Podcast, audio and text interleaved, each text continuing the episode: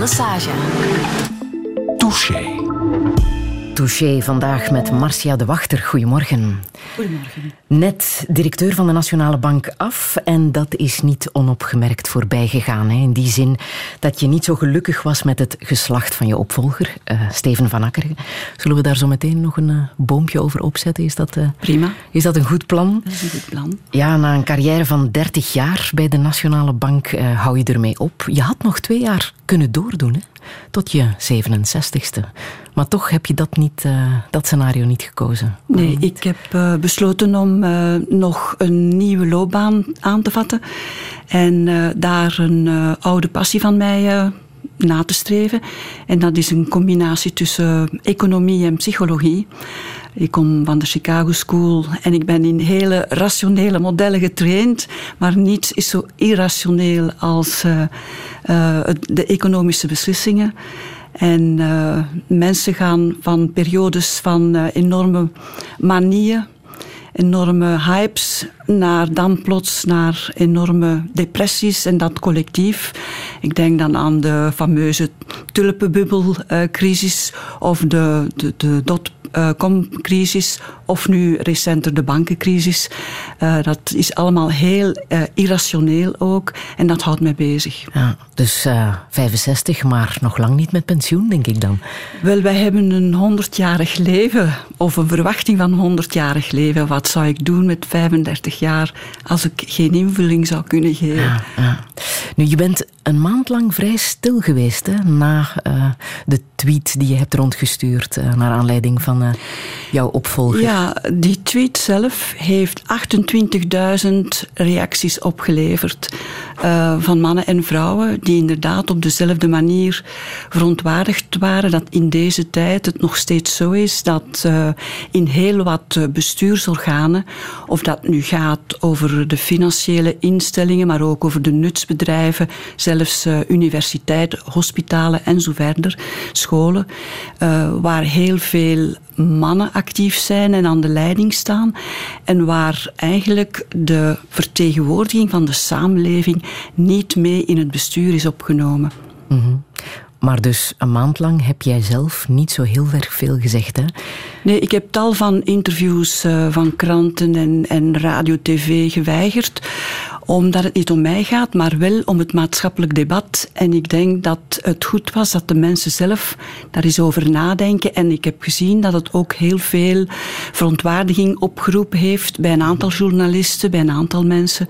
En dat het toch iets op gang heeft gebracht. Maar naar Touché wou je wel komen. Waarvoor een grote dank. En ik mag ook jij zeggen, ik mag Marcia zeggen. Daar sta je ook op, hè? Ja, ik denk dat um, het niet zo is dat uh, iemand zijn status moet uh, ophouden uh, door meneer of mevrouw of mevrouw directeur te noemen. Uh, ik uh, ben ook in de bank altijd rond geweest bij mijn personeelsleden en gevraagd of zij mij gewoon Marcia willen noemen. Uh, omdat dat, uh, ik zou zeggen, de, de emotionaliteit en de band tussen de mensen uh, veel warmer maakt. Ja. Hoe zou jij jezelf omschrijven?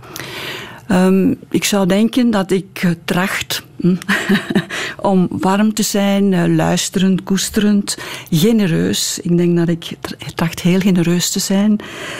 vergevend ook inclusief, luisterend, gepassioneerd en moedig. En ik doe dat met wisselend succes, evident. Mm-hmm. ja. Falen hoort erbij. Falen Ook al heb je een topjob gehad. Juist. Ja. Ja. Wat is jouw levensmotto?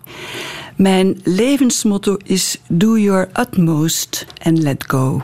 En dat houdt in succes, succesvol iets doen.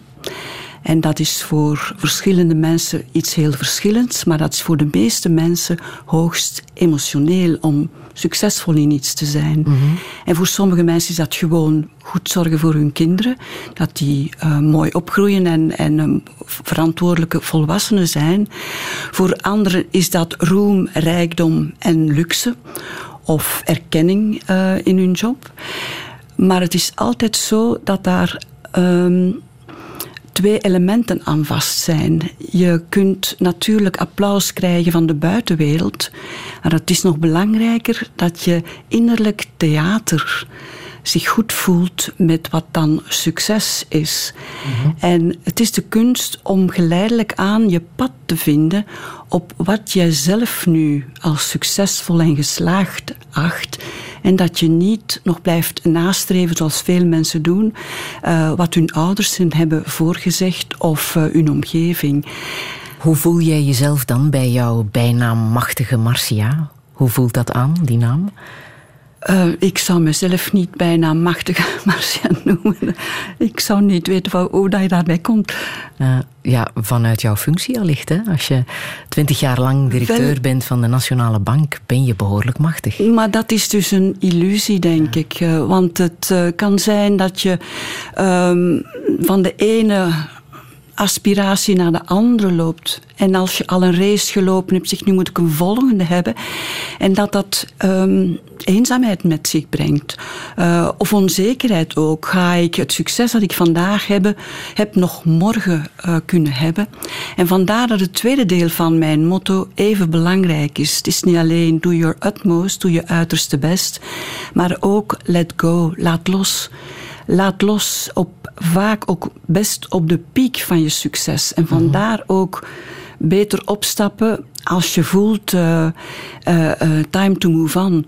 En dat betekent dan ook fysiek en mentaal afscheid nemen van wat je succesvol gedaan hebt, om dan uit te kijken naar een nieuw positief alternatief. Ik denk dat we behoorlijk wat te bespreken hebben vandaag in deze touché. Marcia de Wachter, welkom. Radio 1. 1. Friedel Massage. Touché. Money makes the world go around, the world go around, the world go around. Money makes the world go around, it makes the world go round. A mark, a yen, a buck, or a pound, a mark, a yen, a buck, or a pound is all that makes the world go around. That clinking, clanking sound can make the world go round. Money, money, money, money, money, money, money, money, money, money, money, money, money. If you happen to be rich and you feel like a night's entertainment, you can pay for a gay escapade. If you happen to be rich and alone and you need a companion, you can ring ting-a-ling for some mate. If you happen to be rich and you find you are left by your lover and you moan and you groan quite a lot, you can take it on the chin, call a cab and begin to recover on your 14 carat yacht. What? Money makes the world go round, the world go round, the world go round. Money makes the go round of that we both are sure on being poor. Money, money, money, money, money, money, money, money, money, money, money, money.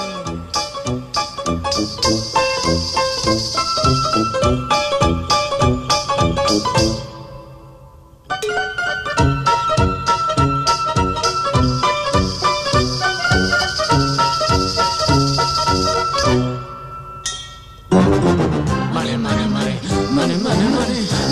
money,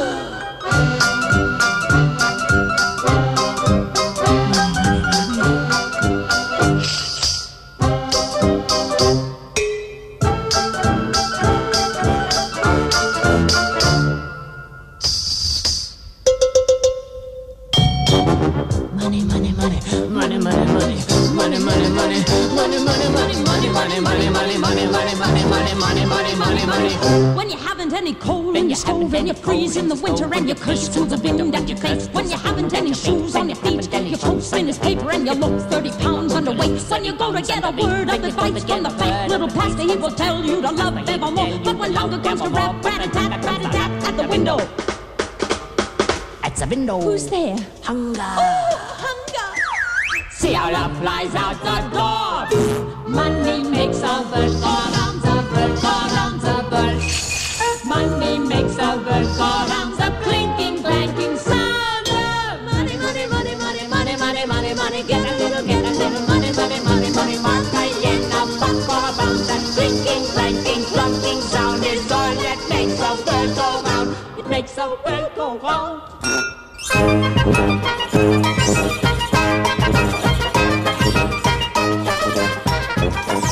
Money, Money Makes the World Go Round uit de film Cabaret uit 1972 met Liza Minnelli en Michael York. Marcia de Wachter, speciaal voor jou, hè, want ons geld wordt uh, bewaakt en bewaard in dat imposante gebouw in centrum Brussel, de Nationale Bank van België, waar jij de voorbije twintig jaar directeur was.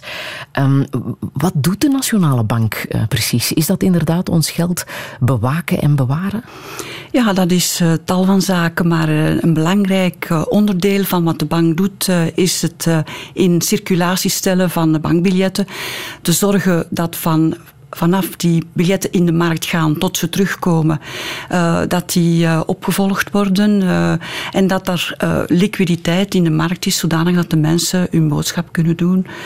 Uh, en daar zijn miljarden in omloop. Uh, dat wil dus zeggen dat de mensen nog altijd ons product uh, graag hebben. Ik heb nog nooit mensen gehad die mijn biljetten geweigerd hebben. nu, daar ben je twintig jaar lang directeur geweest, tot eind oktober, toen dit nieuws binnenkwam. De federale regering draagt Steven van Akkeren van CD&V voor als nieuwe directeur van de Nationale Bank. Van Akkeren volgt Marcia de Wachter op, die vandaag met pensioen gaat. Van Akkeren was onder meer federaal minister in de regering van Di Rupo. Nu is hij fractieleider in de Senaat voor CD&V. Touché. Marcia de Wachter, hoe heb jij zelf vernomen dat Steven van Akkeren jouw opvolger zou worden? Wel, de voorzitter van het, van het nominatiecomité uh, uit de Sensoren- en Regentenraad is in de Regentenraad binnengewandeld en hij heeft gezegd er is een kandidaat naar voren geschoven en die voldoet aan drie criteria. Eén, uh, hij is nog geen 67 jaar. Twee, hij spreekt Nederlands. En uh, drie, hij heeft de Belgische nationaliteit. En bijkomend is hij wel gemotiveerd. Ik moet u zeggen dat op het moment dat ik dat vernam, uh, mijn stem brak en mijn hart brak. En ik het woord gevraagd heb en gezegd dat um, ik mij bij deze kandidatuur uh, niet kon mijn akkoord geven, omdat uh, iedereen van mij wist dat ik uh, al lang vecht voor de betere vertegenwoordiging van vrouwen aan de top. En bovendien was ik actief al ongeveer een jaar met topvrouwen in de financiële sector om net een charter uh, in zaken gelijke kansen voor vrouwen aan de top in de banken, verzekeringen en marktinfrastructuren om dat te bewerkstelligen. En net hadden Febelfin, de beroepsorganisatie van banken, en Assuralia, die van verzekeringen, en de minister van Financiën, dat charter goedgekeurd en de minister ging dat zelfs sponsoren. Dus ik zat, met, ik zat in gewetensnood, zoals men dat zegt. En ik heb mij dus onthouden omdat ik ook geen signaal wilde geven dat ik de kandidaat die naar voren geschoven werd slecht zou gevonden hebben. Dat, daarom ging het niet. Het ging om good governance, goed bestuur. In welke mate zijn de verschillende groepen uit de bevolking voldoende vertegenwoordigd in de hoogste geledingen van al onze instellingen. Toen heb je ook getwitterd, hè? binnenkort meer vrije mannen in de regentenraad dan uh, er ooit vrouwen hebben gezeten. Wat je zei, daar zijn ontzettend veel reacties op gekomen, positieve reacties. Maar zijn er ook mensen die het jou hebben kwalijk genomen dat je dit op deze manier de wereld hebt ingegooid? Uh, ze hebben het mij niet laten weten. Ja, maar vermoedelijk waren er wel mensen die wel, dit niet zo prettig vonden. altijd uh, mensen die dat inderdaad um, ja, vinden dat dat een ongepaste discussie is. Maar ik denk dat het daarom goed was dat ik geen interviews heb gegeven en net de samenleving daar zelf heb laten over debatteren. Ja, en dat is wel mij. gebeurd natuurlijk. En dat hè? is gebeurd, ja, ja. ja, Heb je ondertussen Steven van Akkeren zelf al gesproken? Want nee. hij wordt tenslotte wel jouw opvolger, hè? Nee, ik heb nog geen uh, gelegenheid gehad om hem te spreken. Ga je dat doen? Waarom niet? -hmm. Ga je hem helpen bij, zijn, uh, bij de opvolging? Ik denk dat hij geen hulp nodig heeft. ja, Wouter Beek al gesproken? Ja. ja. En hoe ging dat? Wel, ik heb hem, hem net gezegd wat ik uh, gezegd heb. Mm -hmm. Dat ik het jammer vond dat dat zo moest gebeuren. Dat er slechts één kandidaat naar voren geschoven wordt. En dat is een collectieve verantwoordelijkheid natuurlijk. Het gaat niet om één uh, politieke partij. Alle politieke partijen moeten daarover nadenken. In hoeverre zijn politieke benoemingen um, daarbij een probleem? Dat is voor mij helemaal geen probleem. Het is normaal dat ook de verschillende uh, ideologieën of gedachtenstromen uh, in publieke instellingen of quasi-publieke instellingen aan bod komen. Dus uh, de, de, gedachte dat daar politieke benoemingen zouden gebeuren, daar kan ik perfect mee leven. Dat gebeurt in alle centrale banken zo. Um, maar de gedachte dat het enkel mannen kunnen zijn, uh, is, uh, is er te veel aan. Maar wat zou voor jou dan een haalbare oplossing zijn? Wel, ik denk dat de manier waarop men uh, de benoemingen doet in de Europese Centrale Bank zeker en vast een voorbeeld kan zijn. In de zin dat je met mandaten van zeg twee keer vijf jaar werkt, waarbij de kandidaten gemengd, een gemengde lijst van kandidaten door de politieke partij naar voren geschoven worden. En dat men daar inderdaad dan na uh, tussenkomst van het parlement uh, publiek zich kan vergewissen dat de personen in kwestie in aanmerking komen om die functie op te nemen. -hmm. Het lijkt alsof jouw afscheid daarbij een beetje in mineur is uh, gelopen. Hoe is dat echt gegaan, jouw dat afscheid? Is, het tegendeel is waar. ja? Ik heb daar bijzonder van genoten. Ja? Ik heb uh, vier verschillende recepties gehouden. Uh, ik heb er een gehouden voor het uitvoerend personeel van de vierde verdieping. mijn campagneleiders noem ik die. zij noemen mij trouwens Madame Saumon, omdat ik graag salm eet. Is het waar? Ja. ja. En uh, dat was heel leuk. Uh, ik heb er uiteraard ook in gedaan voor mijn eigen uh, personeel, dus de, de belangrijke departementen statistiek en microanalyse, waar ik verantwoordelijk voor was. Um, ik heb dat ook gedaan voor de kaderleden. En ik denk dat ik dat op een luchtige en en vriendelijke manier heb gedaan, omdat ik uh, he, mij heel goed heb kunnen voorbereiden op mijn volgende stap. Ja. Twintig jaar is niet niks natuurlijk. Hè? Hoe ging dat twintig jaar geleden toen, toen je directeur werd? Welke reacties heb je toen gekregen? Wel, uh, even voordien um, ben ik in de regentenraad gekomen. En dat was volledig mannelijk. En er was een regent die op mij afkwam en zei: Mevrouw, ik vind het echt jammer dat deze mannenclub voorbij is. Ik heb die anekdote aangehaald bij het afscheid van de kaderleden en gezegd: Wel, nu binnenkort zijn we terug naar af. Terug naar meer dan twintig jaar geleden. Begreep je die reactie toen? Oh, maar die reactie is iets wat ik eigenlijk door heel mijn leven vaak heb gehad. Ik herinner mij dat ik in. Uh, 81 als een van de eerste informatica-cursussen gaf aan VDAB. En er waren twaalf lesgevers, professoren. Ik was daar één van. En de mensen kwamen aan mij vragen, uh, gaat u de koffie brengen? Mm. Ja. Mm. Dus uh, ik heb, uh, of ook als ik secretaris-generaal was, dan vroeg men, kan ik de secretaris-generaal spreken? En dan zei ik, u spreekt daarmee. Ja, meneer, de secretaris-generaal, ja, u spreekt daarmee. ja. uh, of ik herinner mij ook met uh, premier Wilfried Martens dat ik uh, mee naar Davos ging.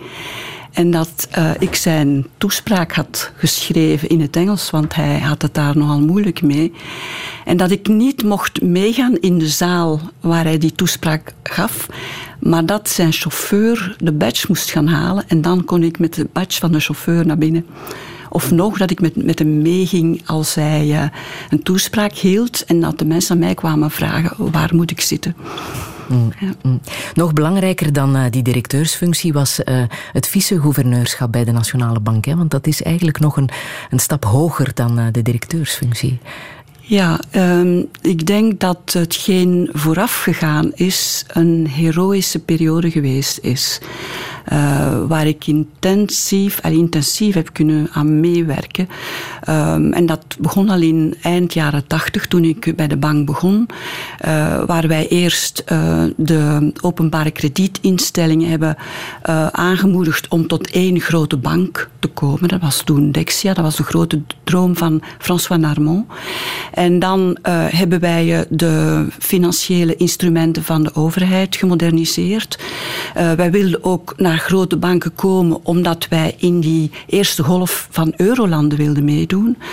Uh, dus wij hebben de Belgische frank gekoppeld aan de Duitse mark en dat was fenomenaal omdat uh, de, de Belgische frank dan als het ware een vluchtmunt werd. En wij ook uh, nadien een speculatiegolf daartegen gehad hebben, die wij overwonnen hebben. We hebben duizend ton goud verkocht om de schuldgraad te doen dalen. En wij hebben een globaal plan gemaakt, waar ik de pen heb van gehouden, uh, om uh, de regering de nodige middelen te geven om te saneren, om de sociale zekerheid in evenwicht te hebben en om de concurrentiekracht van België te bevorderen, wat gemaakt heeft dat we inderdaad in de eerste golf van Eurolanden hebben kunnen deelnemen. Dat was als vice-gouverneur? Dat was voor ik vice-gouverneur was. Ja. En ik beschouw mijn vice-gouverneurschap als een bekroning van dat werk dat eraan vooraf gegaan is. Maar toch heeft dat maar vier jaar geduurd, hè? Tot, Inderdaad, vier jaar en een half jaar. Ja. Was dat pijnlijk dat dat mandaat um, vervroegd afliep?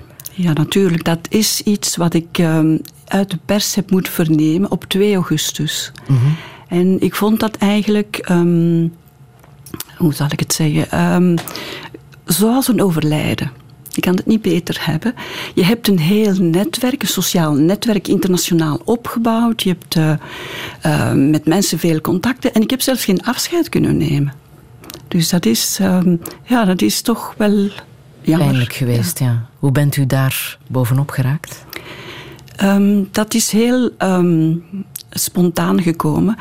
Ik heb eigenlijk na dat um, nieuws onmiddellijk op het internet gaan zoeken naar um, projecten die ik zou kunnen doen in het zuiden van Frankrijk. Uh, iets kopen in het zuiden van Frankrijk. En ik ben eind augustus al uh, werkelijk naar de Provence getrokken om te gaan kijken uh, wat er zoal mogelijk was aan alternatieven. Mm -hmm. Maar was je zo persoonlijk geraakt? Want ik zie dat het jou ja, enorm natuurlijk, ja. emotioneert. Wel, ja. dat is om de manier waarop dat, dat gebeurd is, ja. ja. Maar ik heb mijn opvolger wel gefeliciteerd toen hij uh, voor het eerst in het directiecomité kwam.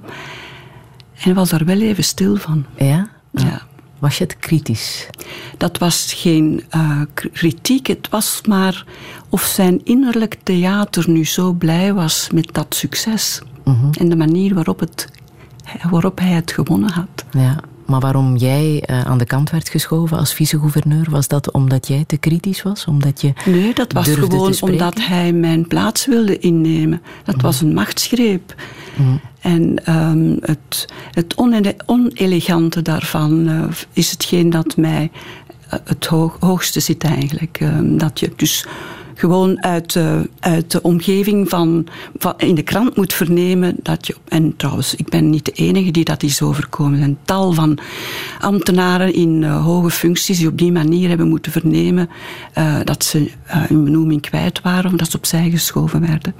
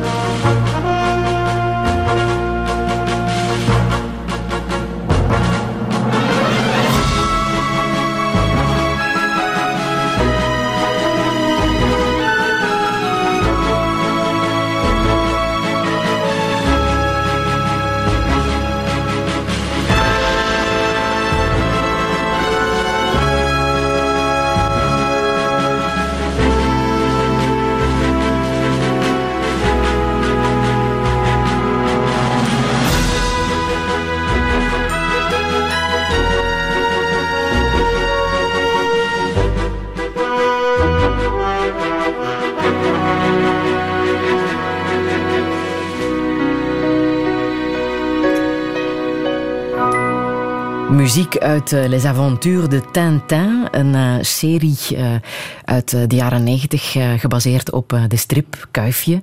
Marcia de Wachter, ik laat het horen omdat jij een Kuifje-lezer was hè, als kind. Inderdaad, ehm, mijn vader dat was een ehm, achterkomer in zijn gezin van acht. En hij was ook vroeg geweest en hij heeft die, dat tekort dat hij had enorm gecompenseerd met zijn kinderen. En ik was de vierde in rij um, na een enige broer. En ik was voor hem wel zijn speciaaltje. Is dat? Uh, ja. en wij waren met uh, vijf kinderen thuis. Um, en uh, wij hadden Godvader, die zat aan het ene hoofd van de tafel. En God de Zoon zat aan het andere hoofd. En de vrouwen die zaten drie aan drie, ook met de moeder van mijn moeder, langs de zijkanten. En mijn vader zei stevast als hij aan tafel kwam, mannen, hoe is het geweest vandaag? En waarom was jij zijn oogappel, denk je? Uh, wel, hij had dat van bij de geboorte al aan mijn oudere zussen gezegd. Nu hebben we een speciaaltje. Uh, waaraan hij dat zag, weet ik natuurlijk ook niet. Maar hij vond dat. En hij heeft enorm uh, veel warmte eigenlijk doorgegeven uh, aan mijn oudere broer en ik. Ik herinner mij vaak dat hij thuis kwam met de National Geographic of met History, waar hij op geabonneerd was.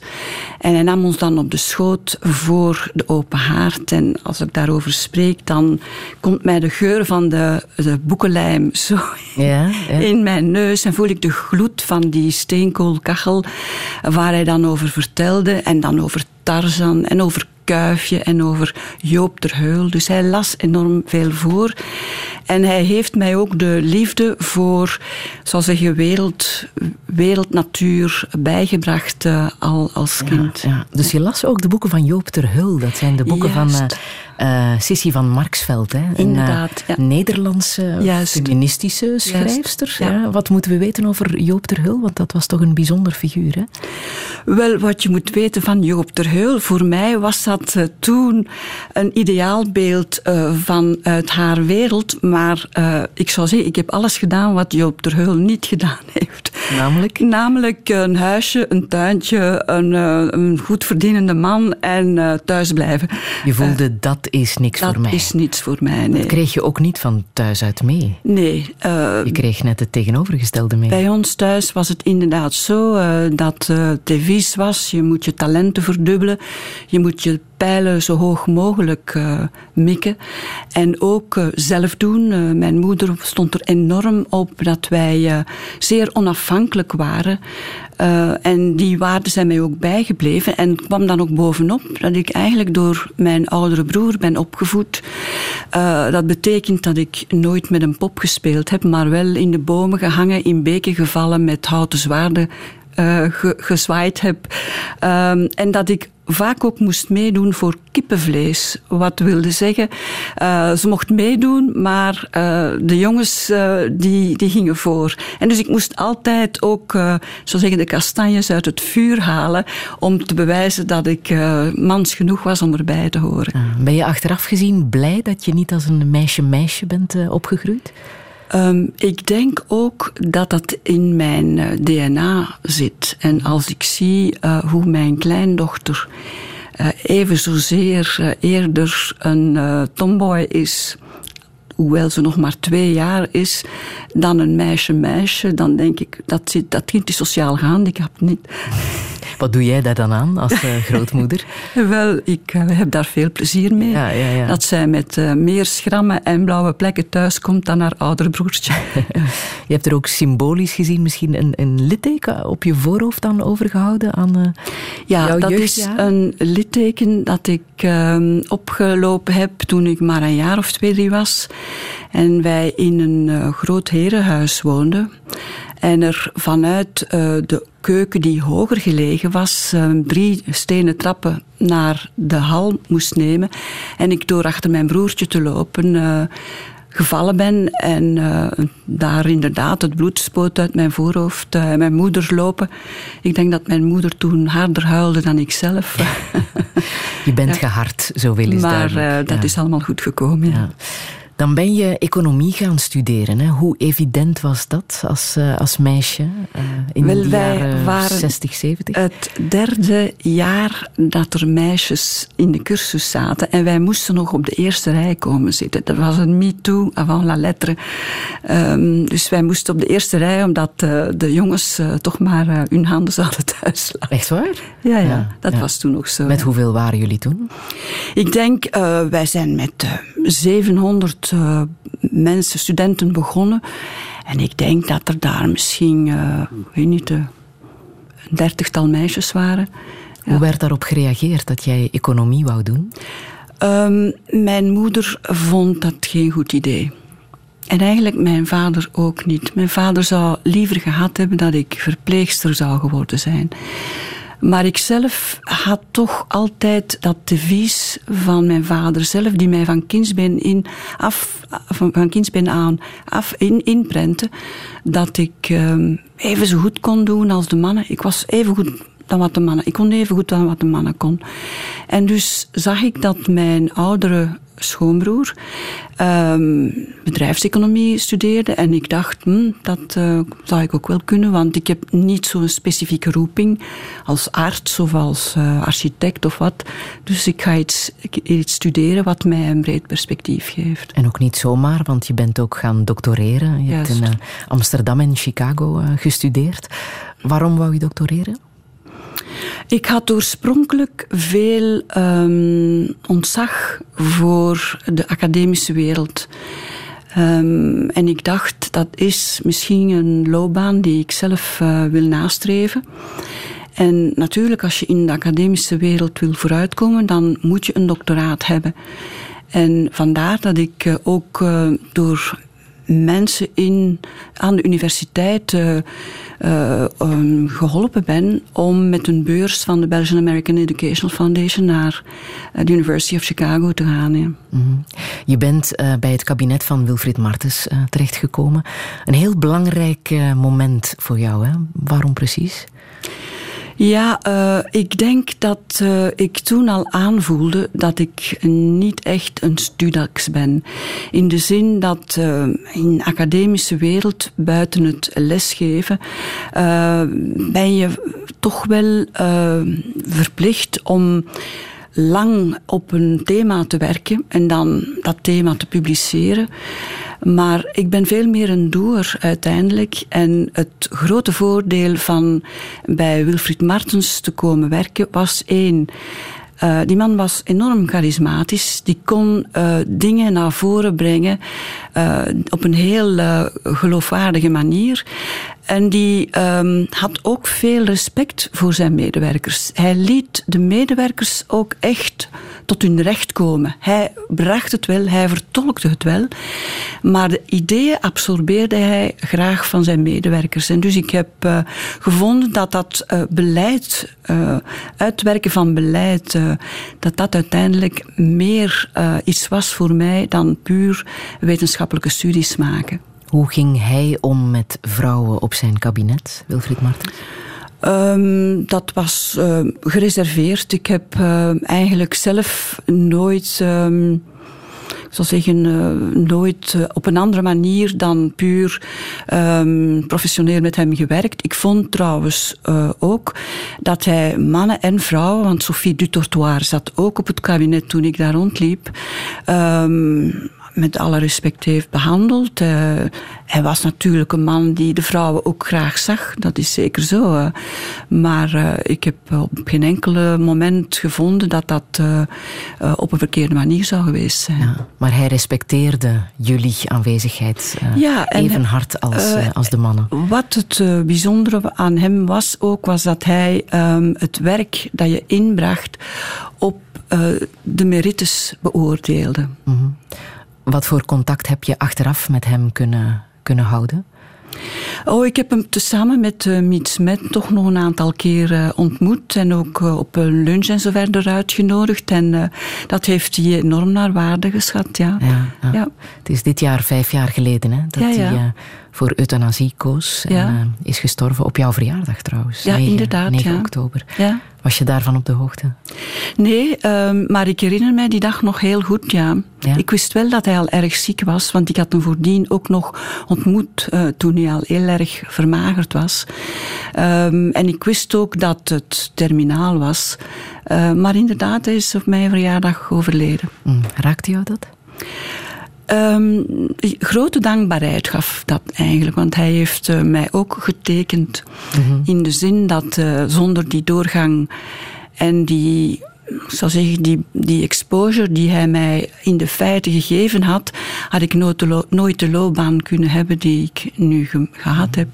Zo zijn er nog eh, grote namen eh, wie jij dankbaar bent. Hè? Grote politici, Jean-Luc Dehane bijvoorbeeld. Eh, ook iemand die je enorm hebt gerespecteerd. Hè? Ja, inderdaad. En ook daar ben ik bij een aantal gesprekken geweest waar hij voor ehm, eh, verscheurende keuzes stond. Ehm, Na zijn verkiezingsnederlaag, ik denk 91, 92, Zwarte Zondag, dan wilde hij echt een einde maken aan zijn politieke loopbaan. En eh, toen eh, moest er echt op hem ingesproken worden eh, om verder te gaan. En hij zei dan, ja, jullie in jullie ivoren toren, zeg mij wat ik moet doen. En als het niet goed is, dan mag je nadien zeggen dat het niet goed was. Maar hij heeft het natuurlijk schitterend gedaan, want daar is dan dus ook die werkgroep rond het globaal plan uit voortgevloeid. Ehm, waar hij nadien in 1995 een enorm eh, politiek succes ook heeft mee gehaald. Toen hij ook in de running kwam voor het Europees voorzitterschap. Ehm, dus hij heeft, en hij heeft ook een schitterend eh, sociaal-economisch beleid gevoeld. Hij heeft België gesaneerd op een manier, hij en Wilfried Martens trouwens, want ik denk dat eh, Wilfried Martens nog, nog meer gesaneerd heeft dan Jean-Luc Dehane. Maar zij hebben op hun tweeën België eh, helemaal in de top van de Europese landen gebracht.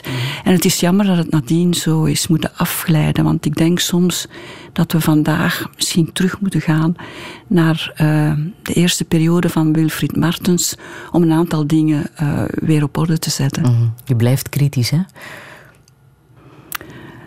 Ja, kan dat alleen maar vaststellen. Ja. Ja. Ehm, ook internationaal heb je een, eh, een paar eh, mensen mogen ontmoeten. Wim Duisenberg bijvoorbeeld, de Nederlandse politicus en eh, bankier, waar je goede herinneringen aan overhoudt. Ja, Wim Duisenberg, ehm, dat was een enorm charismatische man. En die is de eerste voorzitter geweest van de Europese Centrale Bank. Daar is daar natuurlijk een enorme voorbereiding aan vooraf gegaan. Ehm, maar het was een, een man die ook ehm, een oog had voor talent. En ehm, ik herinner mij een heel eh, emotioneel moment.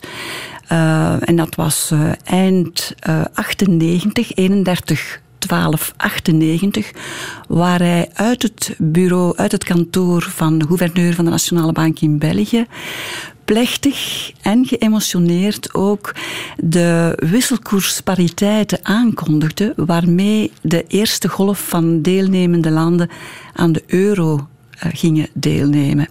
En ik heb van hem toen ook een pen gekregen. Eh, Wim Duisenberg was, zoals wel meer grote des aarden, zoals Rick van Kouwelaert, een pennenverzamelaar. En ik heb toen van Wim Duisenberg eh, zo'n pen gekregen. En dat is mij zeer dierbaar.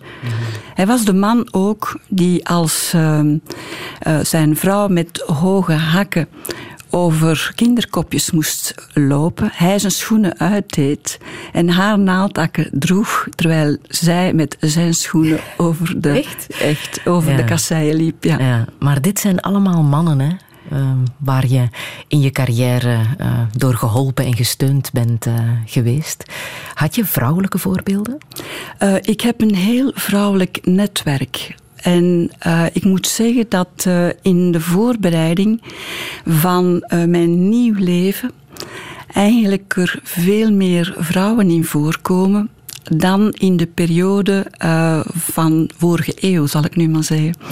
Dus ehm, als je kijkt naar ehm, hoe ik bijvoorbeeld gekomen ben tot mijn nieuwe activiteit, dan zijn daar een aantal vrouwen die daar een, een wezenlijke input aangegeven hebben, -huh. een wezenlijke bijdrage toegeleverd hebben. Ja. Moeten we namen noemen?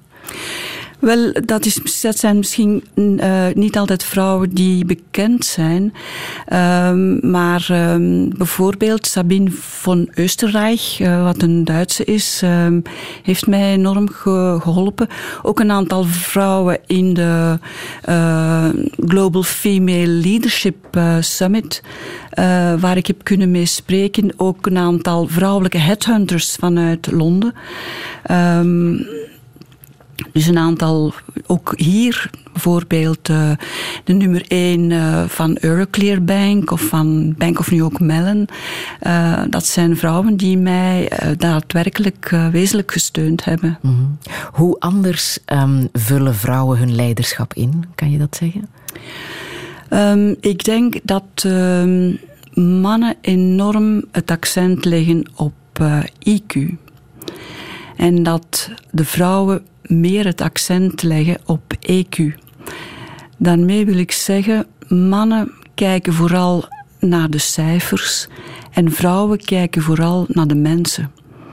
En vandaar dat de combinatie van een gemengd team een verrijking is. Je zegt ook, een vrouw die succes heeft, wordt ontsekst.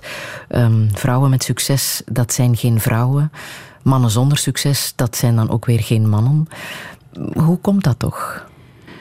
Ja, dat is uh, om een hele complexe, om hele complexe redenen. Ik denk dat dat uh, ons ver zou leiden om dat uh, uit te zoeken. Maar het is inderdaad een, een. Het heeft te maken, vind ik, ook met schaamte.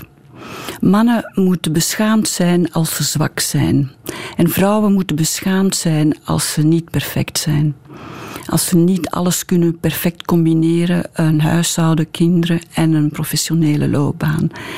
Um, en in die schaamte zit ook een soort zal superioriteitsgevoel van mannen ten opzichte van vrouwen. Ik heb toch heel wat blanke mannen in leiderschapsfunctie gezien die eigenlijk vinden dat vrouwen minder kunnen en dat uh, mensen van origine minder kunnen en van lagere sociale klassen minder kunnen.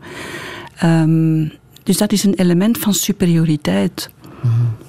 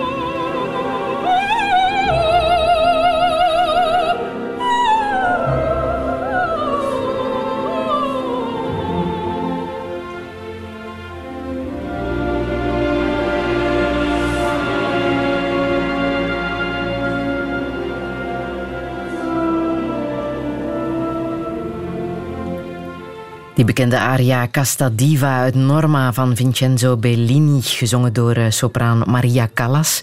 Marcia de Wachter, wat zegt dit over, over jou? Um, dat gaat over kwetsbaarheid en diversiteit. Um, uiteraard, uit hetgeen ik al gezegd heb, um, uh, is ook een van mijn uh, motto's omarm diversiteit. en in plaats van muren te bouwen, uh, bouw netwerken. En uh, cruciaal daarin is vertrouwen. En vertrouwen gaat om, ook om kwetsbaarheid. De kwetsbaarheid om het risico te nemen om met ideeën, uh, met gevoelens, met perspectieven naar anderen te gaan en het risico te lopen uh, ja, dat ze daar geen fijne gedachten over hebben. Maar zegt dit ook iets over de opera-liefhebster in jou? Het zegt ook iets over de opera-liefhebster, omdat die kwetsbaarheid, denk ik, uh, essentieel is in innovatie, uh, in verandering, in creativiteit. Uh-huh. Uh, kwetsbaarheid is de geboorteplek van innovatie en creativiteit. Uh-huh. Hoe kom jij tot rust? Oh, ik kom tot rust eerst en vooral in mijn sauna. In je sauna? ja, in mijn sauna. Um, dat is een uh, heel warme plek en dat brengt mij tot rust. Ja. En natuurlijk ook uh, rond het meer van Jean-Val lopen, in de natuur wandelen, op mijn terras kijken naar de bomen en naar de natuur of zwemmen. Uh -huh. Hoe sportief ben jij? Redelijk sportief, toch ja. Ik probeer om uh, toch regelmatig uh, te joggen. Ik heb vanmorgen bijvoorbeeld mijn kilometers al afgelegd uh, tussen zes en zeven. Ja. en ik, ik ga ook twee keer per week naar een pilatesklas. s morgens om zeven uur, ook een uur lang. En dat is een combinatie van strekoefeningen, lenigheidsoefeningen, yoga-oefeningen.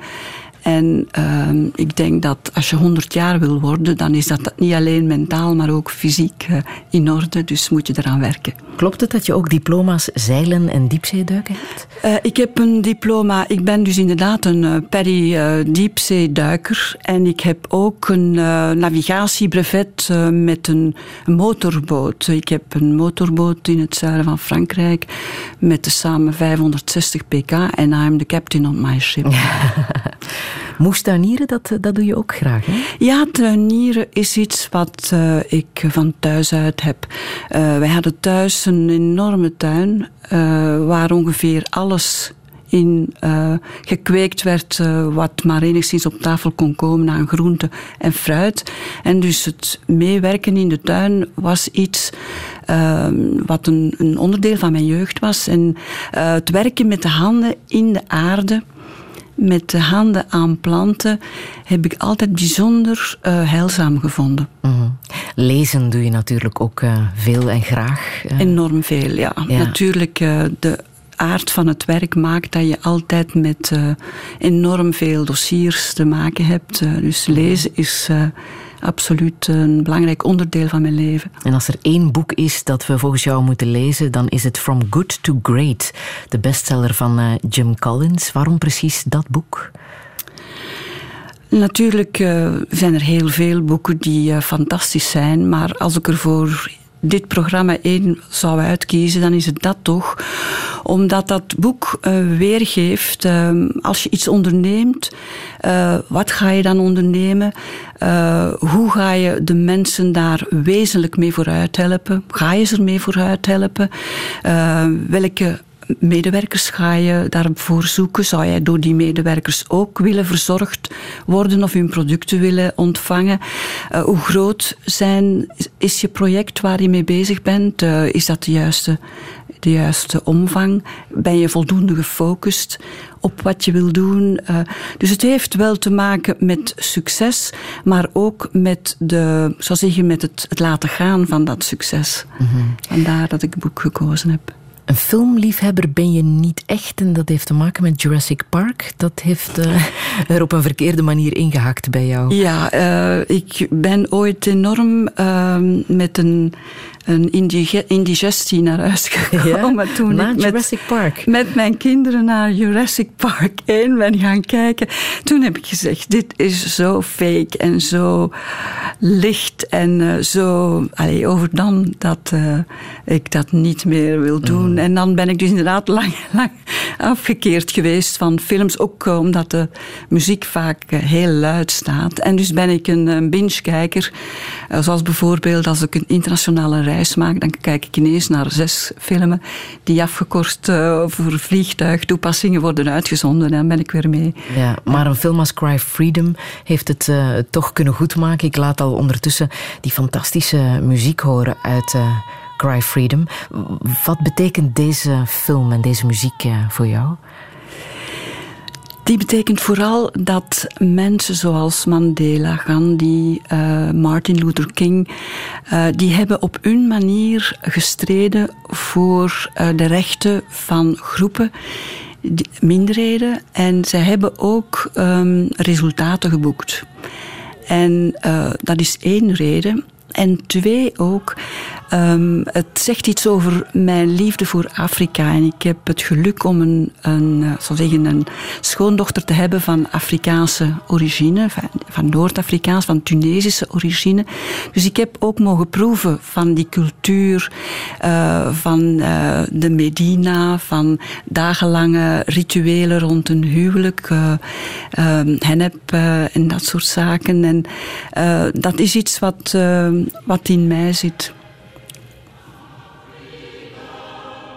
My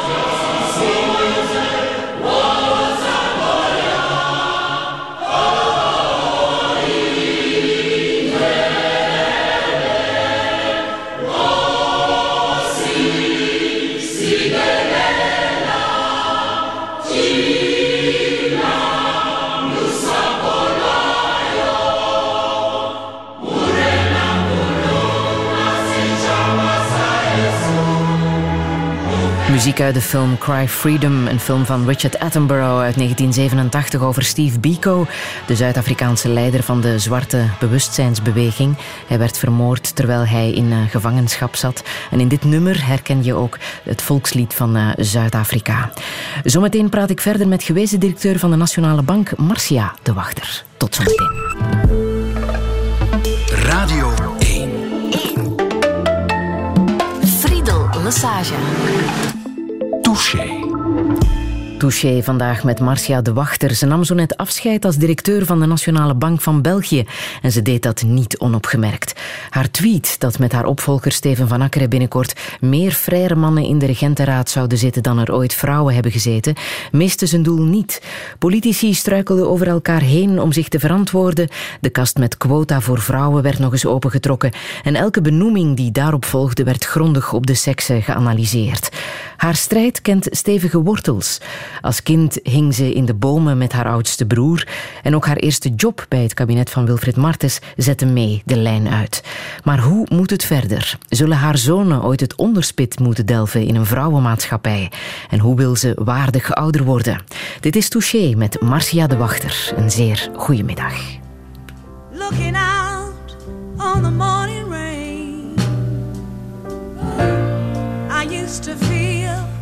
So uninspired. And when I knew I had to face another day,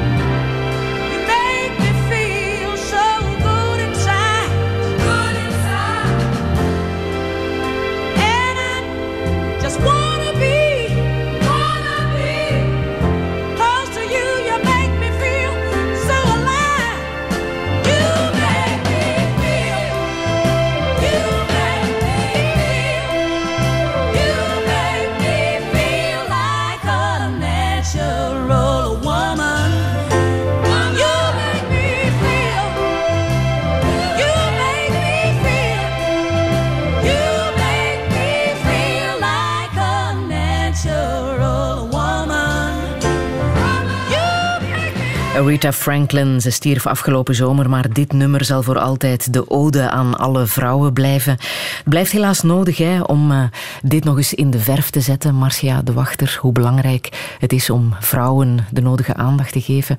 En uh, meer specifiek zelfs, uh, deze maand, de novembermaand, is Vrouwenmaand, maar vandaag ook de internationale dag voor de uitbanning van geweld tegen vrouwen, want nog te veel vrouwen ondervinden daar de negatieve gevolgen van. Um, één op zeven vrouwen blijft nog altijd het slachtoffer van slachtoffer van uh, partnergeweld bijvoorbeeld. Uh, psychisch, fysiek, maar ook economisch en uh, seksueel. Is dat iets wat jou blijft raken, Marcia de Wachter? Vanzelfsprekend. Ehm, ik ben ook bestuurder bij de Broeders van Liefde.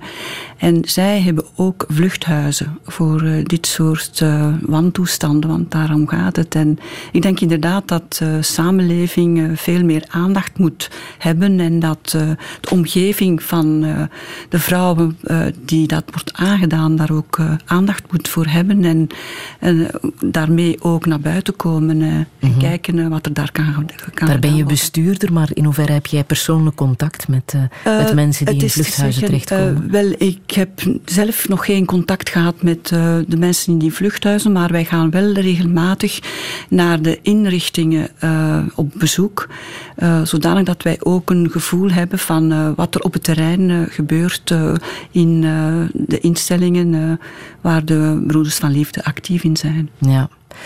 Ook in het nieuws daarnet de um, actie van uh, de gele hesjes. Uh, mensen die op straat komen tegen de hoge brandstofprijzen en tegelijkertijd ook aantonen dat er toch een grote kloof is tussen arm en rijk. Hè? Um... Dat is zeker en vast het geval. Uh, als je kijkt hoe lang dat de lonen in Europa en in België helemaal stabiel gebleven zijn. Uh, en dat uh, de, de prijzen toch maar stijgen. De prijzen in België stijgen sneller dan in de andere landen.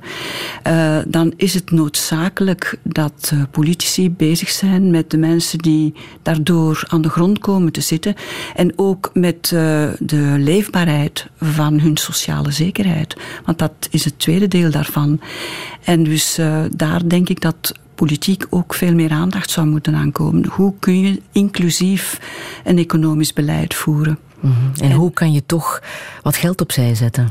En hoe kan je geld opzij zetten? Dat is uh, tegenwoordig een heel moeilijke vraag. Als je mm -hmm. kijkt naar de interestvoeten. Uh, in de winkels zeggen de mensen, mevrouw, bent u degene die de interestvoeten zo laag houdt? Ja. Wat zeg je dan? Helaas, ja. nu niet meer. ja.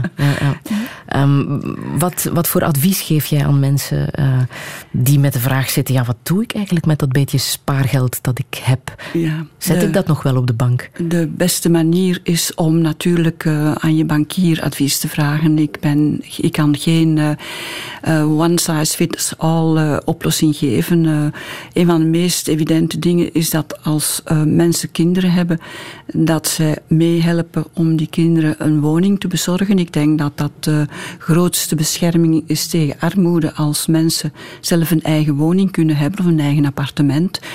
maar behoed je voor uh, de idee dat de huizenprijzen enkel zouden kunnen stijgen, zoals men vroeger dacht, in een uh, goed huisvaders uh, bankeffect te beleggen en een bankaandeel te beleggen, ook, ook omdat dat alleen maar zou kunnen stijgen. Dus men moet zich hoeden voor de cycli van immobiliën en van, van, van activa die te hoog geprijsd zijn en dan weer kunnen instorten. En dat is vaak zo, zie ik, dat gepensioneerden die hun kapitaal uh, kunnen opnemen, dan ineens een, een tweede woning willen kopen.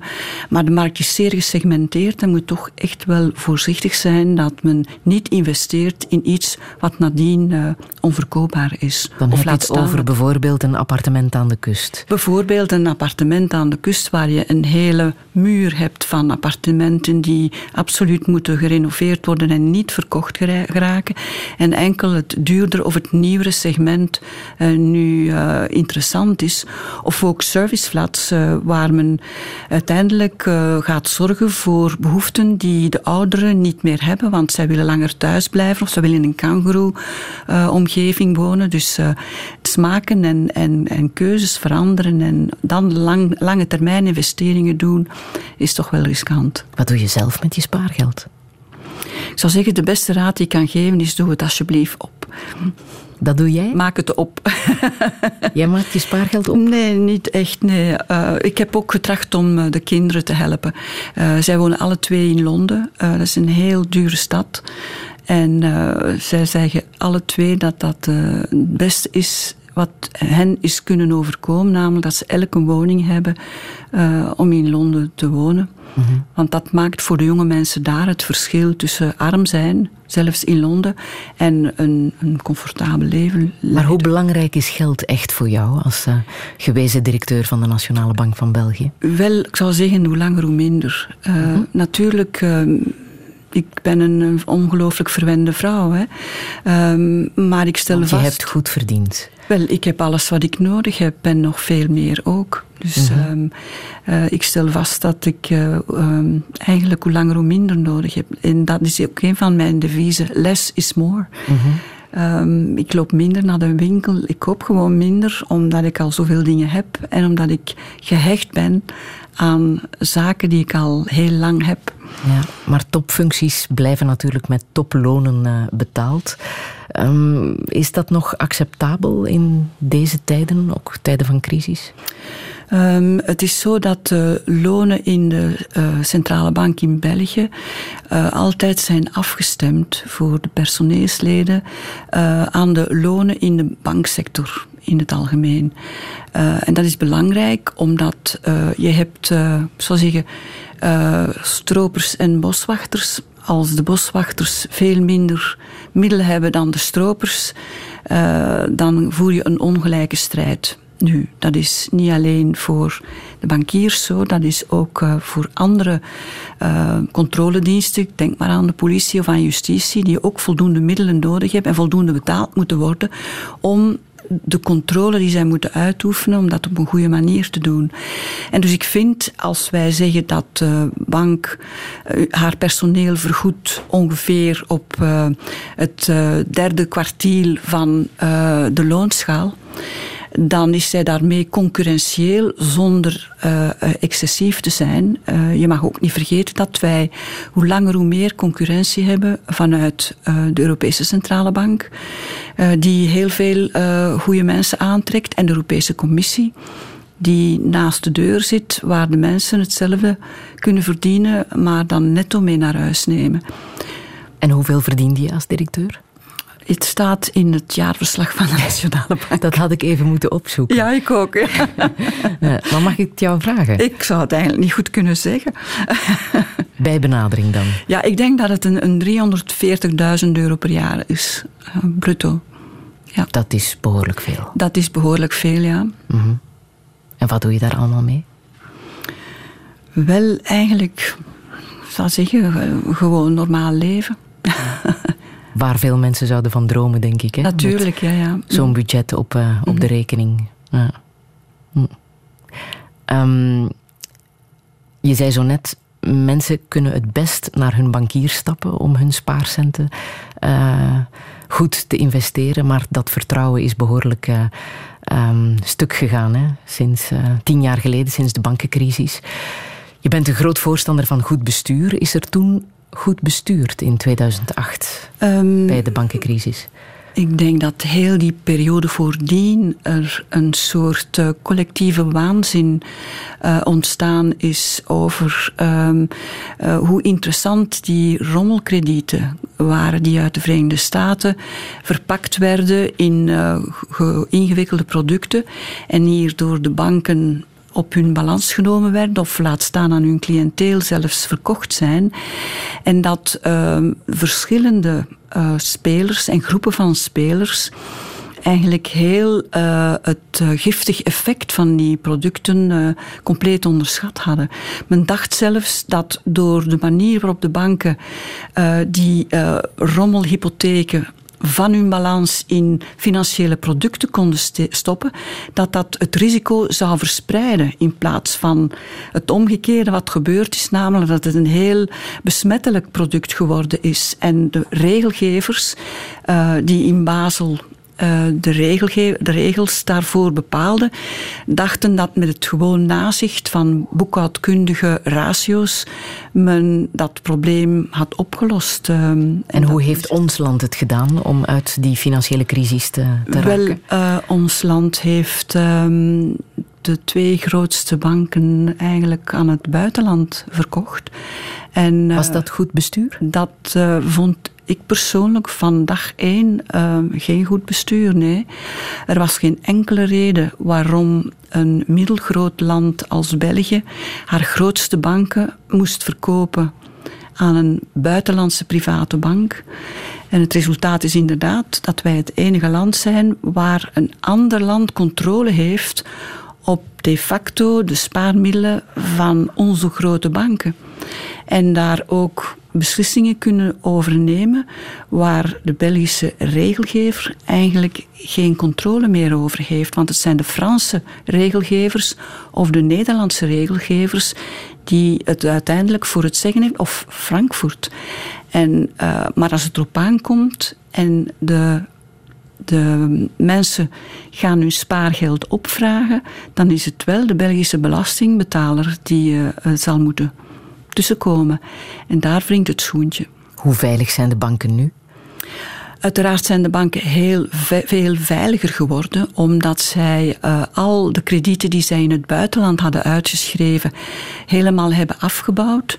Ze hebben hun uh, risico ook helemaal afgebouwd, uh, dus ze zijn veel voorzichtiger geworden. ze, hebben, ze maken ook minder, veel minder winst. Uh, en ze hebben hun kapitaal, uh, die als bufferdienst dient voor de risico's die zij nemen, ook enorm verhoogd. Dus ze zijn veel uh, steviger geworden en wij maken ons sterk dat de Belgische banken. Als we de internationale testen meedoen bij de beste score, uh, nu toch. dus ik denk dat we veel zaken hersteld hebben. Het gevaar is altijd dat uh, financiële crisissen er altijd opnieuw zullen komen. Het is ja. niet of, maar wanneer. Dus er komt altijd een nieuwe financiële crisis. En of uh, onze banken dan veel of weinig zullen getroffen worden, dat valt dan te bezien. Maar we moeten altijd op onze hoede blijven.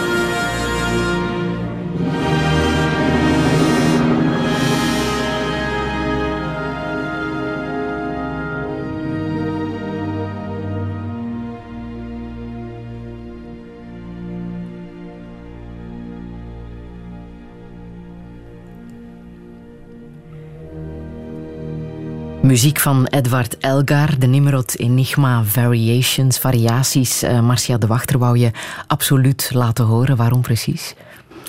Uh, voor mij is dat uh, de uitdrukking van techniciteit. Uh, van al het nieuwe innovaties die op ons afkomen. de nieuwe wereld. En dat is iets wat ik graag opvolg. Ik ben een early adopter van een aantal nieuwe producten. Ik rij al drie, vier jaar elektrisch bijvoorbeeld. En uh, ook uh, nieuwe technologieën spreken mij aan. 3D-printing, uh, 3D-computing, uh, artificiële intelligentie, drones, daar kijk ik Zelfs op je 65ste ben je daarin uh, geïnteresseerd? Daar ben ik bijzonder in geïnteresseerd, uh, ja. absoluut. Ja. ja want je stopt niet, hè, ook al ga je nu met pensioen. je gaat opnieuw werken, je gaat een, een, een nieuw leven beginnen. Um, als er nu, eergisteren was het, dacht ik, beslist werd dat bijverdienen na je pensioen aantrekkelijker wordt gemaakt. er is een wetsontwerp goedgekeurd vrijdag dat uh, bijverdienen niet meer fiscaal wordt afgestraft. Zit jij daar dan voor iets tussen? Ik heb daar geen, uh, geen enkele... maar het komt goed uit. Ja, wat... wel, het komt goed uit, maar uh, daarvoor doe ik het zeker. Het zou voor mij geen, geen verschil maken. Nee, maar je, ben, je hebt echt een, een BVBA opgericht. En, Juist, ja. Je bent echt van plan opnieuw te beginnen. Juist, ik ben eigenlijk al opnieuw begonnen. ik heb ook mijn website gelanceerd. En wat mij bezighoudt is het verschil in uh, een rationeel plan uh, dat mensen op een uh, hoog niveau, uitvoerend niveau maken en wat ze zelf willen. veel van het emotionele leven, hoe mensen zich voelen, de angsten die zij hebben, gebeurt eigenlijk buiten het bewuste. En er is niets zo uh, wat centraal staat uh, in het leven van mensen als hun emoties. Wel nu, ik heb uh, methodologie aangeleerd waarbij ik niet alleen het bewuste en de bewuste motivaties van mensen in kaart kan brengen, maar ook wat, zij, wat hen onbewust motiveert. En ik kan de spanning tussen het bewuste en het onbewuste laten zien. En als je bewust iets nastreeft wat je onbewust eigenlijk niet wil, dan is dat een groot verlies, betekent dat een groot verlies van energie. Of omgekeerd, als je bewust iets wil, uh, onbewust iets wil, maar bewust ben je daar nog niet echt goed mee bezig, dan kun je daar extra energie uh, uit putten. En uh, dat is een eerste soort van producten dat ik wil brengen. Maar ik wil ook uh, governance in uh, uitvoerende comité's verbeteren. En dat kan alleen als je meer vertrouwen geeft. En vertrouwen, dat komt niet door een strategisch plan. Dat komt door andere technieken. En mhm. die zou ik willen bijbrengen. En kan je dat even concretiseren, wat je zo net uh, vertelde, dat je dus uh, ja, wat je bewust en onbewust uh, aan elkaar moet, moet uh, koppelen. Kan je dat even concreet maken? Ja, dus je hebt mensen die uh, zeggen: voor mij is het hoogste goed uh, mijn vrijheid. -hmm. Maar als ik dan kijk hoe ze die testen afleggen, dan blijkt dat ze veel meer belang hechten aan geborgenheid. Of anderen die zeggen, ik, mijn hoogste uh, motivering is veel uh, connecties hebben, met veel mensen omgaan. Maar ik meet dat ze eigenlijk eerder um, alleen willen zijn, eerder minder uh, contacten willen hebben. Of mensen die heel erg gedreven zijn, die absoluut zaken willen presteren en, en niet meer kunnen ontspannen, die over hun toer gaan. En dan blijkt eigenlijk dat ze niet hun eigen motieven nastreven, maar de motieven van hun ouders. Als je het even op jezelf toepast, want jij hebt nog bijgestudeerd hè, aan NCAT. Heb je nog, uh, Ik ben nog steeds aan het studeren. Nog steeds aan het studeren. Ja. Is dat wat je echt wil? Wat je... Dit is echt wat ik wil. Ik ga echt voor mijn passie. En dat heeft met uh, iets anders te doen. Um, als mensen stoppen met leren, of dat nu uh, fysiek je trainen is, of je men mentaal uh, trainen, of je, je netwerk sociaal uitbouwen, als je daarmee stopt, ga je eigenlijk krimpen. Je moet groeien door te leren. En dus leren gaat op die verschillende vlakken zijnde meer je spieren, je flexibiliteit uitbouwen, uh, meer je mentale kunnen uitbouwen. Uh, en dat doet altijd een beetje pijn. Hè? Ja, het kan gaat confronterend sporten, zijn. Ja? Als je gaat sporten of als je een taal leert, is altijd een moment dat je zegt, oh, dat gaat er niet meer in. Hè. En dan moet je even doorzetten. Dus dat is altijd wel een pijnlijk moment, maar het is de kern van het groeiproces van de mensen. En daarom ben ik zo voor levenslang groeien. Want als kind dacht ik, als je oud wordt, ja, dan word je oud en ga je bergaf. Maar er is geen enkele reden waarom je bergaf zou gaan. Het tegendeel kan waar zijn. Ik kan dingen sneller absorberen nu dan zeg 30 jaar geleden, toen ik in het begin in de Nationale Bank het jaarverslag moest lezen, moest ik na een kwartier rusten. Nu kan ik een, op één dag heel het jaarverslag uitlezen, bij manier van spreken. Uh, waarom heb je gekozen voor uh, NCEAT om daar opnieuw te studeren? Wel, zij hebben een unieke formule uh, om twee redenen. Eén, um, zij hebben als um, stelregel dat er per uh, programma dat uh, loopt, er maar één of twee nationaliteiten in het programma mogen zijn. Dat wil dus zeggen dat als je met een groep van 36 studenten zit, zoals nu het geval, dat je 25 verschillende nationaliteiten hebt en dat dus heel de wereld in dat programma aanwezig is, met iedereen als minoriteit. Iedereen is gelijk en dat schept eigenlijk een band van vertrouwen. En dat geeft een verrijking uh, die je niet aanvoelt als je in zo'n groep niet gezeten hebt. En twee, zij passen ook onmiddellijk de zaken die zij aanleren toe binnen de groep. Dus je leert iets op een half uur en je moet het direct toepassen op jezelf, binnen je groep en uh, binnen het geheel. Wat maakt dat je zelf een laboratorium bent uh, van de technieken die je uh, wil gaan toepassen binnen wat ik nu in mijn nieuwe bedrijf wil gaan doen. Wat is de gemiddelde leeftijd van jouw groep? Um, die is met mij erbij ietsje gestegen. Ben je de oudste? Ja. Ja, toch wel. Wel, ik denk dat de professoren nog ouder zijn. Ze zien er al, althans ouder uit.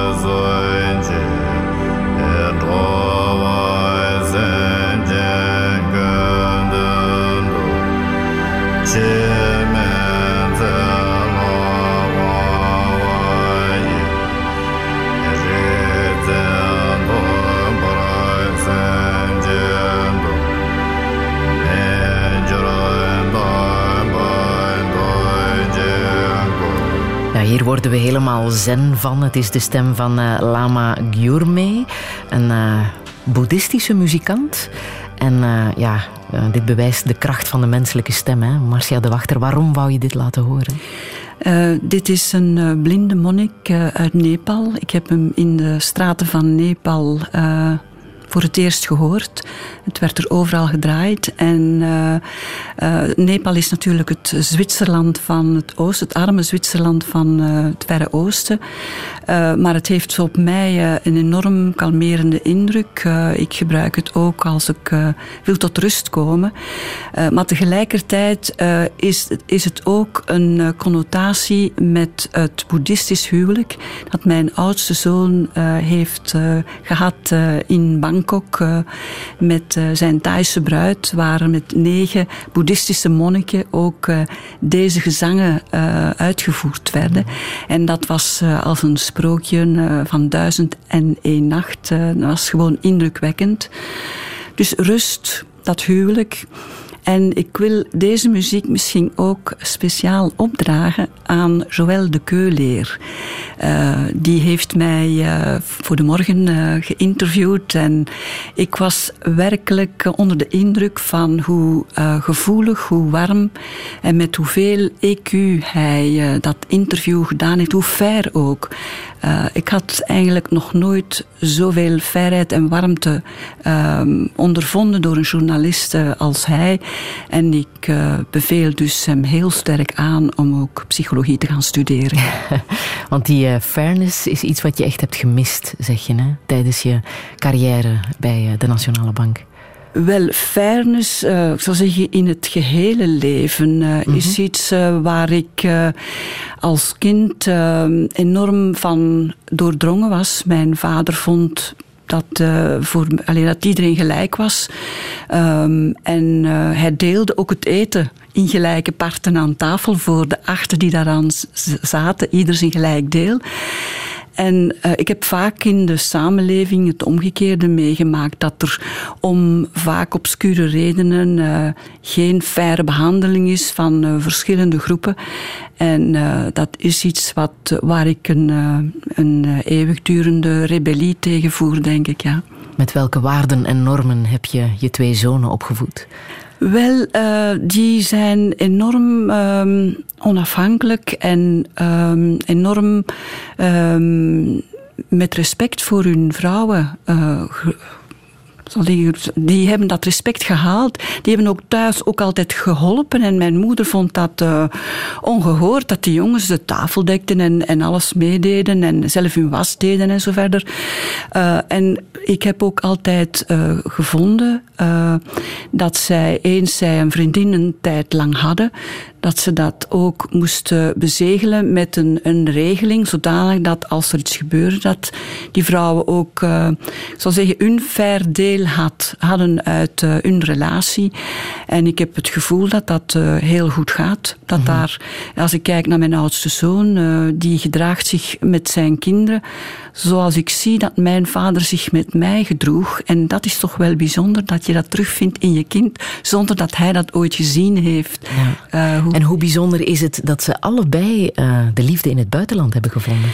Wel, ik denk dat uh, mijn uh, liefde voor die internationale wereld die mijn vader door de National Geographic heeft aangebracht, heeft ook gemaakt dat ik hen eigenlijk heel hun jeugd heb meegesleurd naar overal waar ik geweest ben, ook professioneel, als dat viel in de paasvakantie uh, of in periode waar zij vrij waren, dan nam ik hen altijd mee en probeerde ik hen altijd om een programma te, te geven uh, door vrienden of kennissen die ik daar dan had.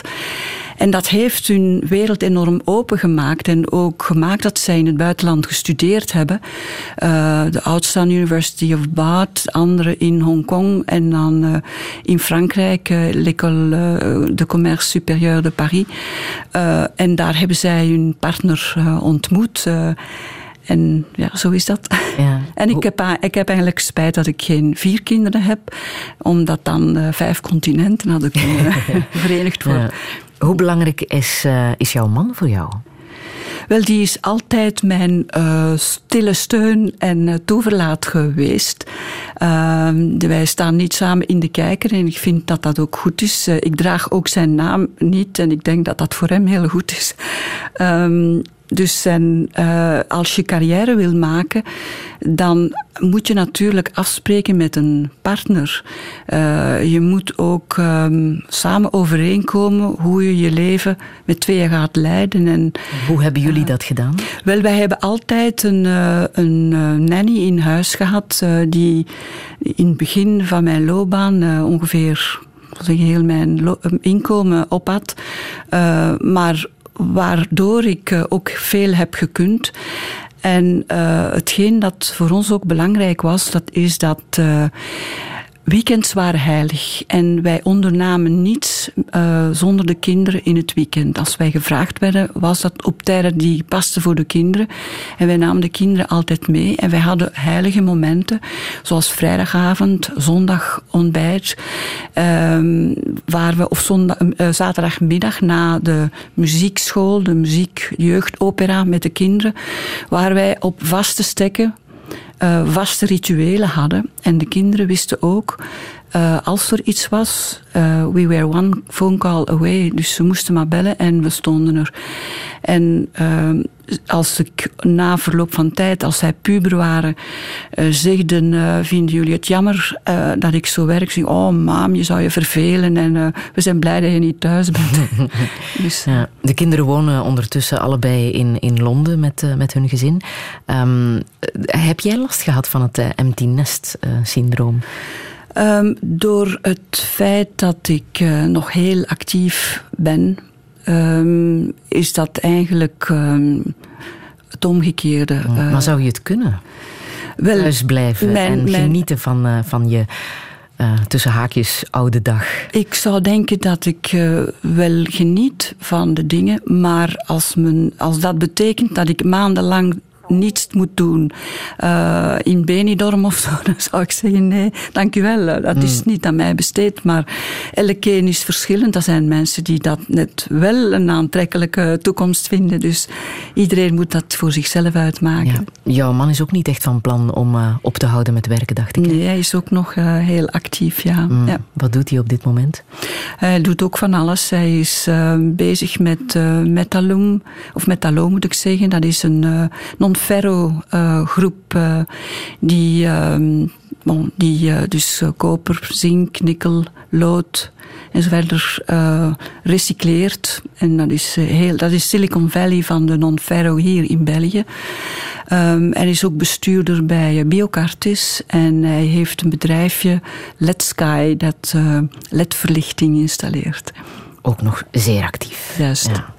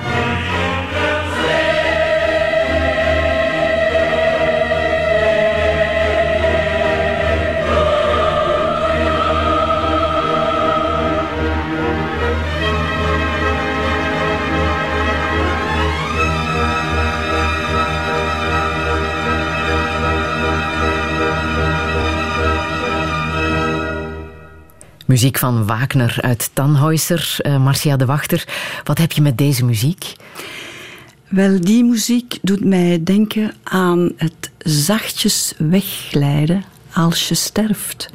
In een zachte dood, waarbij bekend is dat je, zoals uit de bijna doodervaringen, er een intens licht kan schijnen, waar je door aangezogen wordt en je eventueel beelden ziet van bekenden of van figuren die belangrijk geweest zijn. En dan ineens die intense overgang. In hoeverre ben jij bezig met uh, de dood? Um, wel, niet zozeer. dat nee. komt niet zozeer. Nee, niet zozeer. Maar natuurlijk is het een moment waar iedereen, als er één zekerheid is, is, is het die dat je doodgaat. En uh, ik denk dat het belangrijk is dat je weet, als je doodgaat, oké, okay, wat heb ik nu achtergelaten? Uh, ik ben een blad van een boom valt, zoals in de herfst. Uh, ik zal meststof zijn voor de volgende generaties. Maar wat heb je nu betekend? Mm -hmm. uh, en als jij terugkijkt, wat heb jij betekend? Wel, dat is niet aan mij om dat te oordelen. Ik denk dat uh, wat ik beteken uh, iets is wat de anderen vooral moeten uitmaken. -hmm. Heb je last van het ouder worden? Tot nu toe nog niet, nee. Fysieke last? Nee. Nee? Nee. Want je hebt uh, wel een gehoorprobleem. Ja, dat is juist. Um, maar dat is al een, eigenlijk een lange tijd aan de gang. En dat is gehoorschade die ik als kind heb opgelopen door dwaas met veel te luide muziek op mijn kop rond te lopen. En uh, dat is natuurlijk met het ouder worden iets wat uh, verslechtert. Daar waar ik bijzonder, um, zal zeggen, mijn emotionele leven wordt bijzonder beïndrukt door muziek. Um, als ik vroeger als uh, jong meisje piano speelde, dan was het onmogelijk voor mij om nadien te studeren, omdat ik de hele tijd met die partituur in mijn hoofd zat. Uh, en natuurlijk, als je dan niet goed hoort, dan uh, is hetgeen wat je het meest um, emotioneel raakt, hetgeen wat het moeilijker en moeilijker wordt. En vandaar dat ik uh, vind dat mensen die een gehoorprobleem hebben, toch moeten zorgen dat ze niet te timide zijn om een hoorapparaat te nemen. Mm -hmm. En uh, ik zeg altijd, het is tijd om op te stappen uit de bank, want uh, ik krijg gratis uh, reclame voor gratis gehoortesten, dus het is teken en ik ja. oud word. maar voilà, daarom, dat is het enige wat mij, ik zou zeggen, een beetje begint te mankeren. Waarin geloof jij? Um, ik geloof in uh, het feit dat mensen um, uh, authentiek uh, voor andere mensen kunnen zorgen, warmte kunnen geven, liefde kunnen geven, als tegelijkertijd ook vertrouwen kunnen geven. want mensen die vertrouwen kunnen geven aan anderen, die zijn als een klan. En in die klan kan kwetsbaarheid en uh, kan, kan, kunnen gebreken verzorgd worden, behandeld worden en kan tegelijkertijd aangemoedigd worden uh, tot sterkte en kracht.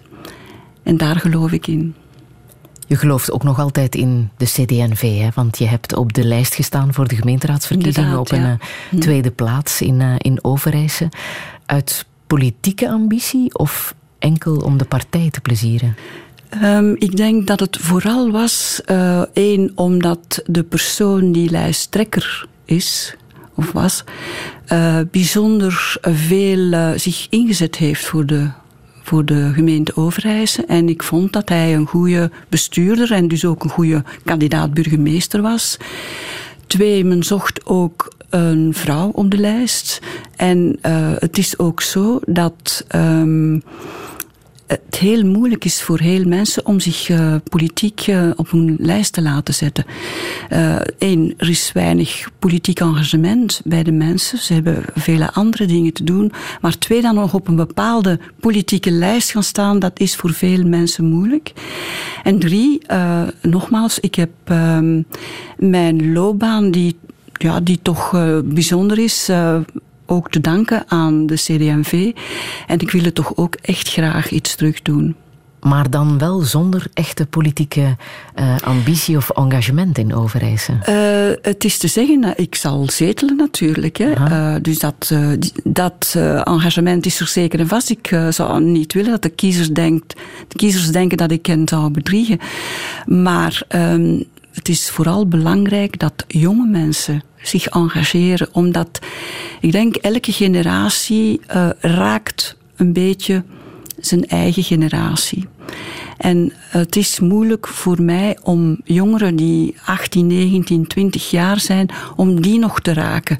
Die afstand is te groot. Dus als je politiek uh, mensen wil overtuigen voor een bepaalde voor een bepaalde strekking, een bepaalde politieke aanpak, dan moet je ook jongeren op de lijst hebben. Welke boodschap wil je hier nog meegeven? Wel, dat het belangrijk is dat als je succes gehad hebt, do your utmost en let go. Zo is de cirkel rond. Ja. Ik heb nog uh, muziek van uh, Max Brug, um, een vioolconcerto. Waarom wil je dit nog laten horen? Omdat het voor mij uh, die, uh, die kwetsbaarheid uitdrukt. Vulnerabiliteit. Uh, dus dat is, ik vind dat heel kwetsbare muziek. En die kwetsbaarheid is voor mij nogmaals de bakermat van innovatie, creativiteit en verandering. En het werkt bij mij bijzonder inspirerend.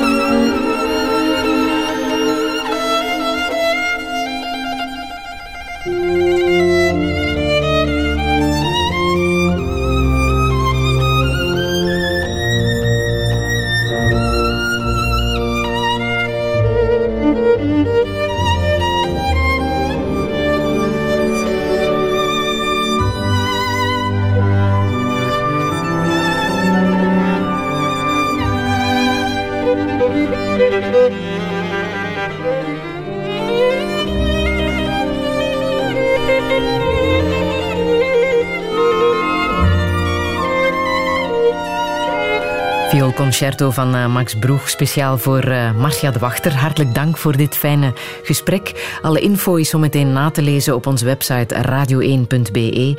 En volgende week vier ik hier de 50-jarige carrière van Zwarte Panter Adriaan Raamdonk. Een heel fijne zondag nog en uh, geniet, Marcia de Wachter, van deze zondag. Hartelijk dank. Herbeluister dossier via de podcast, de Radio 1-app en radio1.be. Thank you.